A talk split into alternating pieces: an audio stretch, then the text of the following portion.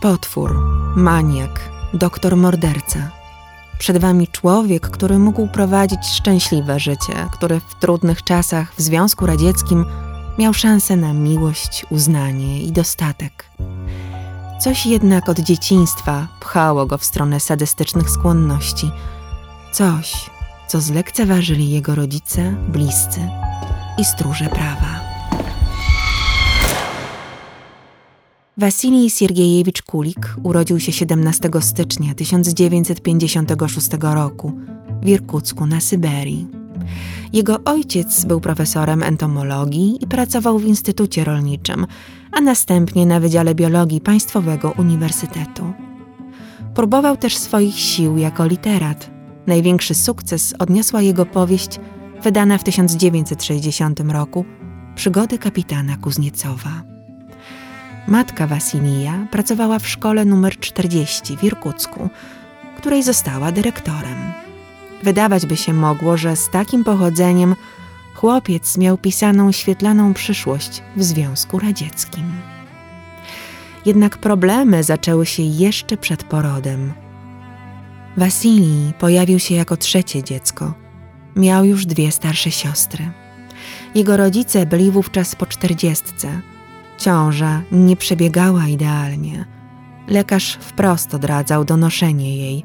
Była niebezpieczna dla dziecka i dla matki. Mimo to Kulikowa zdecydowała się urodzić syna. Poród był ciężki. Kobieta męczyła się siedem dni, zanim w końcu, pod narkozą, wydała na świat Wasilija Sierkiejewicza. Siedmiomiesięczny wcześniak urodził się maleńki, nieproporcjonalny i jak wspominali potem jego rodzice, odpychająco brzydki. Dziecko karmiono dożylnie. Miesiąc spędziło z matką w szpitalu. Gdy Wasilija wypisywano, ważył zaledwie 2 kg i 100 gramów. Dopóki nie skończył sześciu miesięcy, rodzice nie mogli go kąpać, bo jego skóra źle reagowała na wodę. To nie koniec jego kłopotów ze zdrowiem. Roczny chłopczyk ciężko przeszedł odrę. Między pierwszym rokiem do wieku trzech lat rodzice zostawiali go w żłobku. Wasilij nie chciał potem spać w domu, w nocy. Matkę to strasznie irytowało, biła malucha. Ojciec za to z anielską cierpliwością brał dziecko w ramiona i wychodził z domu, by utulić go do snu, błąkając się po ulicach Irkucka. Do drugiego roku życia Wasilij nie poczuł matczynej miłości. Matka nie miała dla niego serca ani nie okazywała troski. Chorowity, znerwicowany i lunatykujący syn nie był spełnieniem jej marzeń. Jednak i ojciec Wasilija nie był święty. Gdy Wasia pobił kolegę z klasy w podstawówce, w domu oberwał mocno od ojca w twarz, co doprowadziło do poważnego uszkodzenia dziąseł. Chłopak wcześnie zainteresował się seksem i wcześnie dojrzał. Jak w rodzinie szeptano, miał to po ojcu, który uwielbiał towarzystwo kobiet i nieletnich dziewcząt. Molestował znajome, siostry, pasierbice. Oczywiście wszystko uchodziło mu na sucho i było obracane w żart. Nie myślcie, że działo się tak jedynie w patologicznych rodzinach – od Wasilija jestem młodszy o 20 lat, jednak pamiętam przyzwolenie na niewłaściwe słowa i zachowania dorosłych wobec dzieci. Wracając do Kulika, jego ojciec miał również sadystyczne skłonności. Swojej pierwszej żonie wybił zęby kubkiem, dzieci karał biciem. Alkohol tylko podkręcał jego bestialstwo. W szkole podstawowej Wasilij chorował na zapalenie wątroby, reumatyzm. Do 12 roku życia zmagał się z astmą oskrzelową. Dopiero w tamtym czasie matka zaczęła okazywać mu zainteresowanie, a wręcz nadmierną troskę. Nagle stał się Beniaminkiem, wszystko mu wybaczano. Chłopak był świadomy, jaką pozycję nagle zajął. Stał się samolubny i okrutny, także w stosunku do starszych sióstr. Jako nastolatek zaczął znęcać się nad zwierzętami, co sprawiało mu rozkosz i doprowadzało do orgazmu. Wbrew początkowym problemom ze zdrowiem, wyrósł na sprawnego fizycznie młodego chłopaka. Szczególnie lubił boks, w którym osiągał dobre wyniki. Między innymi zdobył Mistrzostwo Irkucka w kategorii wagowej do 57 kg. Jak mówiłam, szybko zainteresował się dziewczynami i zaczął uprawiać seks. Rozdziewiczyła go burjacka kobieta, którą poznał w kołchozie. Wyglądała niemal jak chłopiec i pokazała mu uroki seksu analnego. Od tamtej pory właśnie ten rodzaj seksu interesował go najbardziej.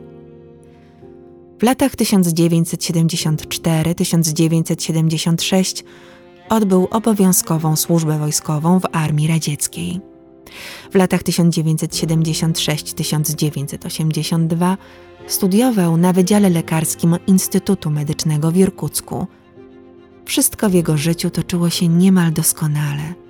Miał dobry dom, żadnych problemów finansowych, wymarzone studia i powodzenie u kobiet.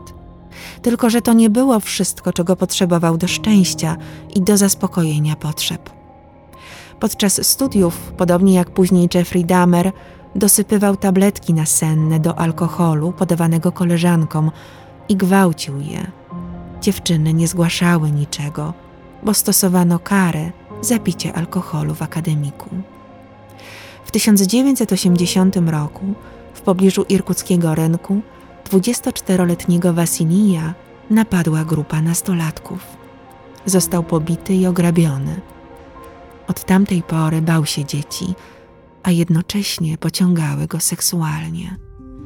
Nawiedzały go myśli i fantazje o seksie z dziećmi, najpierw tylko z dziewczynkami, potem z chłopcami i starszymi kobietami. Próbował zrealizować swoje pragnienia w tym samym roku. Wasia planował zgwałcić dziewięciolatkę. Najpierw ją uwodził, pisał listy, dawał zabawki. Potem próbował zaprosić na strych, ale tam już dziewczynka nie poszła. Zgłosiła też matce zaloty Wasilija. Kobieta przekazała sprawę milicjantom, ale została zignorowana. W społeczeństwie radzieckim nie było pedofilii. Dokładnie w ten sam sposób podchodzono do występków Andrzeja Cikatiły, rzeźnika z Rostowa w czasach, gdy pracował w szkole i molestował uczniów. Po historii z romantycznym uwodzeniem dziewięciolatki, Kulik zorientował się, że podchody nie mają sensu. To musi być szybki, brutalny akt na dziecku, które było mu obce. W 1981 roku ożenił się z młodą prawniczką Mariną ze Siewiero-Bajkalska. Ich seks był specyficzny. Kulik w intymnych chwilach zbliżenia z żoną wyobrażał sobie, że kocha się z dzieckiem. Marina widziała w nim pantoflarza, bezwolnego i posłusznego małżonka, gdyby wiedziała, co gra w jego duszy. Planowali przyszłość, budowali podmiejską daczę, odkładali pieniądze na samochód. Wasilij nie pił alkoholu, nie palił, pensję oddawał żonie. Tworzyli wzorową, radziecką rodzinę. W 1982 roku został po raz pierwszy ojcem i rozpoczął pracę w pogotowiu. Nie wybrał studiów z powołania, raczej z uporu matki, która chciała mieć lekarza w rodzinie, żeby leczył jej cukrzycę. A że był dobry z chemii i biologii i nauka przychodziła mu łatwo, spełnił życzenie rodziców. Sam nie miał celu w życiu. Pacjenci byli mu obojętni. Pracował w zawodzie, który ułatwiał mu dostęp do ofiar. Lekarz pogotowia budził zaufanie i dzięki niemu miał kontakt z dziećmi. Wiosną, gdy Marina przebywała w szpitalu, dokonał gwałtu na ośmioletniej maszy w pustym garażu. I tak to się zaczęło. Poddawał się impulsowi, nie planował zbrodni. Jeśli zapragnął dziecka, brał je natychmiast tu i teraz. Dlatego o tak wielu sprawach i gwałtach nie pamiętał po latach. A tymczasem jego życie rodzinne kwitło. Marina pracowała w zawodzie, jednocześnie wychowywali już dwójkę synów, których na swój sposób kochał. Gdy miał ochotę, pod byle pretekstem wychodził z domu i polował. Po maszy zgwałcił ośmioletnią Tanię i chłopca, Tolię. Nikt tego nie zgłosił na milicję, chociaż dzieci poskarżyły się rodzicom. Ci jednak wstydzili się opowiadać o gwałcie na komisariacie. Sprawy wyszły na jaw dopiero po aresztowaniu Kulika, cztery lata później. Jedna z kochanek Wasilija zauważyła, że Kulik molestował jej syna. Początkowo, gdy chłopiec opowiadał, że wujek się na niego kładzie, myślała, że chodzi o wygłupy. W końcu przyłapała go na jednoznacznych pieszczotach. Próbował też dwa razy zgwałcić swojego trzyletniego syna, ale przeszkodziły mu w tym matka i żona. Podniecały go własne dzieci. Nawet dla nich nie miał taryfy ulgowej. Rozzuchwalony bezkarnością posunął się znacznie dalej. Irytowały go reakcje dzieci i ich krzyki. Wiedział już, że będzie je zabijał. Zauważył, że podduszenie ofiary, która była za głośna, dawało mu dodatkową satysfakcję seksualną. W 1983 roku zmarł jego ojciec. Tak się przejął, że wypił całą butelkę lekarstwa ziołowego Corvalol, stracił przytomność, miał konwulsje, został jednak zawieziony do szpitala i odratowany. Niestety przeżył. Gdyby umarł samobójczą śmiercią, przeżyłoby co najmniej 13 osób. Rankiem 20 marca 1984 roku spotkał na ulicy 72-letnią kobietę, która przykuła jego uwagę. Zaczął z nią rozmawiać o jej stanie zdrowia i od słowa do słowa zaoferował pomoc.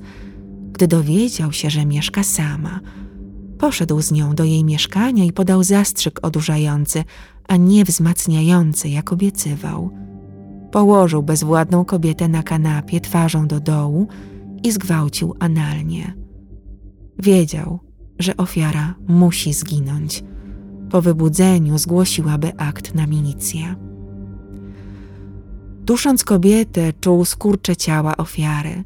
Przyjemność była ogromna, gdy ostatkiem sił walczyła o życie, a potem doświadczała konwulsji. Miał wytrysk, kiedy ciało było już martwe. Zwłoki nie wzbudziły podejrzeń milicji. Zgon uznano za naturalny. Przyczyna śmierci? Choroba wieńcowa, miażdżyca i nadciśnienie. Nie przeprowadzono sekcji. Kulik sporządził listę starszych kobiet w, jak to określił, dzienniku polowym, które wzbudzały jego zainteresowanie i spełniały pewne kryteria. Były samotne, mieszkały w oddzielnym mieszkaniu, bez współlokatorów, znały go i lubiły. Obsesyjnie gwałcił je w myślach. Druga lista obejmowała młode, samotne kobiety, jego pacjentki, ale żadnej nawet nie tknął, nie pociągały go seksualnie. Zabił następne sześć kobiet i właściwie nic nie czuł po dokonaniu zbrodni. Ofiary były mu kompletnie obojętne. Ich zgony uznawano za naturalne. Nikt nigdy nie zasugerował, że Kulik mógł mieć z nimi coś wspólnego. Nawet gdy w ciele martwej 53-latki znaleziono nóż i duży drewniany tłuczek wepchnięte w intymne miejsca, uznano, że była to, uwaga, nie uwierzycie, autoerotyczna zabawa. Inną ofiarę Wasilij zostawił w wannie pełnej wody – Nikt nie skojarzył, że kąpiel nie miała sensu. W budynku od miesiąca nie było ciepłej wody.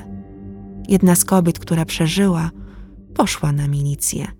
Nic nie wskurała. Słowo lekarza pogotowia było bardziej przekonujące. Kulik zostawiał wszędzie bezrefleksyjnie ślady po sobie, z których technicy kryminalistyki mogli stworzyć wiarygodny materiał porównawczy. Teraz Kulik był gotowy zabijać dzieci. Kusił je słodyczami, o które było trudno w radzieckim państwie. Miał niemal kobiecy, miękki głos, wyglądał zwyczajnie, szczupły mężczyzna w okularach. Dzieciaki się go nie bały. Zabierał je w ustronne miejsca, do piwnic, gdzie nikt nie słyszał ich krzyków. W maju 1984 roku wracał z mieszkania siostry, w którym miał randkę z kochanką. Na podwórku zobaczył ośmio lub dziewięciolatkę. Larisa zgodziła się pobawić z nim w chowanego. Zwłoki dziewczynki znaleziono dopiero kilka dni później. Została pobita i porzucona w piwnicy w centrum miasta. Kulik opowiadał potem, że dziecko bardzo mu się opierało. Zginęła w wyniku uduszenia. Najpierw śledczy sprawdzali karanych już przestępców seksualnych. Zatrzymano dwóch z nich, ale to nie byli oni. Drapieżnik ciągle grasował. Co ciekawe, w tym samym czasie milicja szukała rzeźnika z Rostowa, Cikatiły, który w samym 1984 roku zabił 15 osób, głównie nastolatki. Rozwiązano wtedy 1062 sprawy, w tym 95 zabójstw. Kulik nic sobie nie robił z wysiłków milicji. Nie był nigdy karany, wykonywał zawód zaufania publicznego, był przykładnym mężem i ojcem. Siedmioletni Andrzej ostatni raz był widziany, jak zjeżdżał na sankach. Zginął w piwnicy, zgwałcony, uduszony. Na udzie znaleziono odcisk męskiego buta. Dziewczynka w wieku dwóch lat i siedmiu miesięcy była najmłodszą ofiarą kulika. Babcia ubrała ją na spacer i zostawiła na chwilę przed domem. Dziecko zniknęło. Zrozpaczeni rodzice wybłagali, by milicja zrobiła cokolwiek. Funkcjonariusze dotarli na miejsce dopiero kilka godzin od zniknięcia dziecka, o wiele za późno, by złapać świeży trop. Kolejne dziecko Kulik zabił w jego mieszkaniu. Matka wróciła do domu z pracy i zastała martwe, nagie ciało córki podwieszone na linach. Nie było śladów łamania. Sprawca zapukał i został wpuszczony do środka. Nie chcę sobie nawet wyobrażać, co musiała czuć ta kobieta, gdy zobaczyła zamordowane własne dziecko. W 1985 roku, po tym jak przyjął ciężki poród kobiety, która urodziła w samochodzie, zmęczony i zadowolony z siebie, wychwalany pod niebiosa przez rodzinę rodzącej, nagrodził się sam. Zakończył zmianę i poszedł pod adres, który miał w swoim dzienniku polowym. 75-latka była zdziwiona jego wizytą. Zmierzył jej ciśnienie, zrobił zastrzyk i uśpił. Zgwałcił i zabił nożem. Nagle odkrył nową metodę zabijania, równie przyjemną co duszenie. Od tej pory nosił nóż zawsze przy sobie. O ironio, w torbie lekarskiej. Latem tego samego roku był na wakacjach w Ukrainie, w Kirowogradzie, gdzie zgwałcił i zabił dziewczynkę. Udusił ją. Niestety, jak mówił, nie miał przy sobie noża zaczął obsesyjnie fantazjować o ćwiartowaniu zwłok. Do końca 1985 roku zginęła piątka dzieci w Irkucku. W mieście wybuchła panika. Milicja nie miała pomysłu na śledztwo. Na wszystkich ciałach znaleziono spermę pochodzącą najprawdopodobniej od tego samego mężczyzny. Świadkami były głównie dzieci, które nie dały się nabrać na czułe słówka pana – oferującego słodycze, lody, zabawy wchowanego, wyjście do zoo czy pokazanie pieska.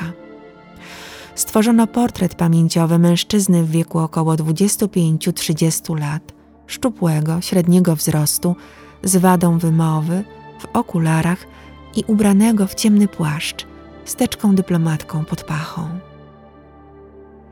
Na swoje 30 urodziny w piątek 17 stycznia 1986 roku Wasilij Kulik postanowił dać ujście swoim seksualnym demonom. Gdy rodzina szykowała mu przyjęcie urodzinowe, kąpał synka, co bardzo go podnieciło. Postanowił zapolować. Udał, że idzie do piekarni po pieczywo. W kolejce wypatrzył siedmioletniego chłopca, Siriorze, którego zaprowadził na plac budowy, gdzie jednak dziecko stawiło opór. Wasilij spieszył się do domu, więc zaciągnął chłopaka do wznoszonego budynku, zakrył usta dłonią, ścisnął za gardło, by ofiara przestała się bronić i zaczął drugą ręką zdejmować jej ubrania. Na szczęście był tak podekscytowany, że nie zauważył, iż jest obserwowany. Złapały go trzy kobiety, które sprowadziły pomoc. Najpierw upierał się, że jest lekarzem i za potrzebą wszedł do budynku. Chłopca znalazł w takim stanie. Jednak kobiety nie uwierzyły mu, więc wyskoczył przez okno i zaczął uciekać.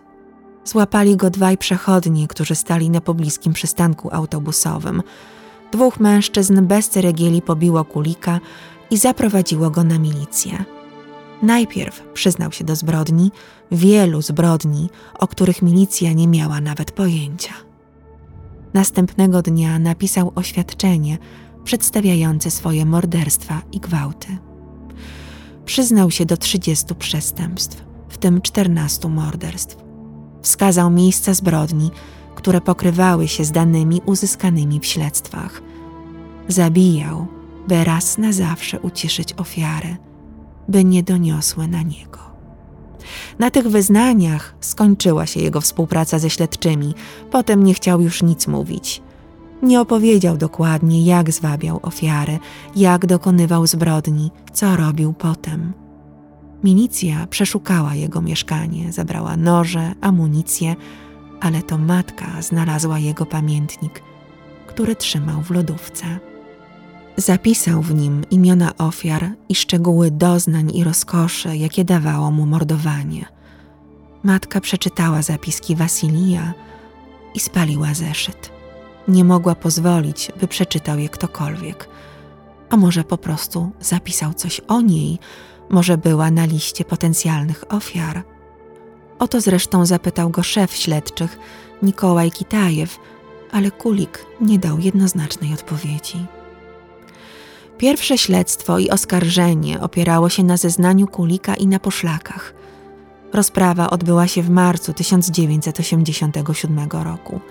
Adwokat doradził oskarżonemu wycofanie zeznań, do których złożenia został podobno zmuszony.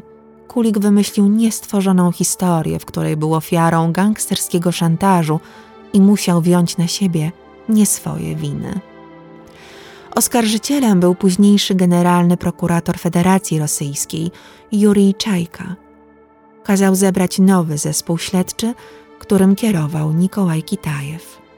Moskiewska prokuratura Związku Radzieckiego również zaangażowała się w sprawę. Drugie śledztwo poprowadzono o wiele dokładniej niż za pierwszym razem. Dotarto do pierwszych ofiar, które uszły z życiem. Psychiatrzy uznali, że jest osobą poczytalną, w pełni odpowiedzialną za swoje czyny. Podsumowanie ich opisu Kulika brzmiało: typ aspołeczny, niemoralny psychopata z wyraźnymi skłonnościami kryminalnymi. Przesłuchano Kulika ponownie 15 czerwca 1987 roku. Przesłuchanie trwało cztery dni. W końcu przyznał się – jego zeznanie nie uległo zmianie przez cały drugi proces. 11 sierpnia 1988 roku został skazany na śmierć przez rozstrzelanie. Czekając na egzekucję, pisał wiersze o swoich ofiarach, pamiętnik, udzielał wywiadów. Jego rodzina, żona i synowie odcięli się od niego. Tuż przed śmiercią powiedział – Gdyby mnie nie złapano do tej pory, popełniałbym morderstwa. Ale nie jest mi żal moich ofiar. I wyrzuty sumienia nie dochodzą do mnie. Jakoś nie myślę o tych, których zabiłem. Został zastrzelony 26 czerwca 1989 roku w angarskiej kolonii karnej. Miał 33 lata.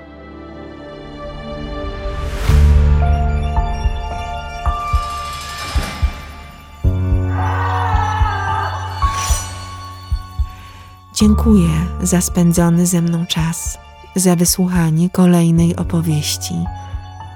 Do usłyszenia i do zobaczenia w moim worku kości przy Bagatela 10 w Warszawie. Wpadajcie na moje i nie tylko moje wykłady. Renata z worka kości.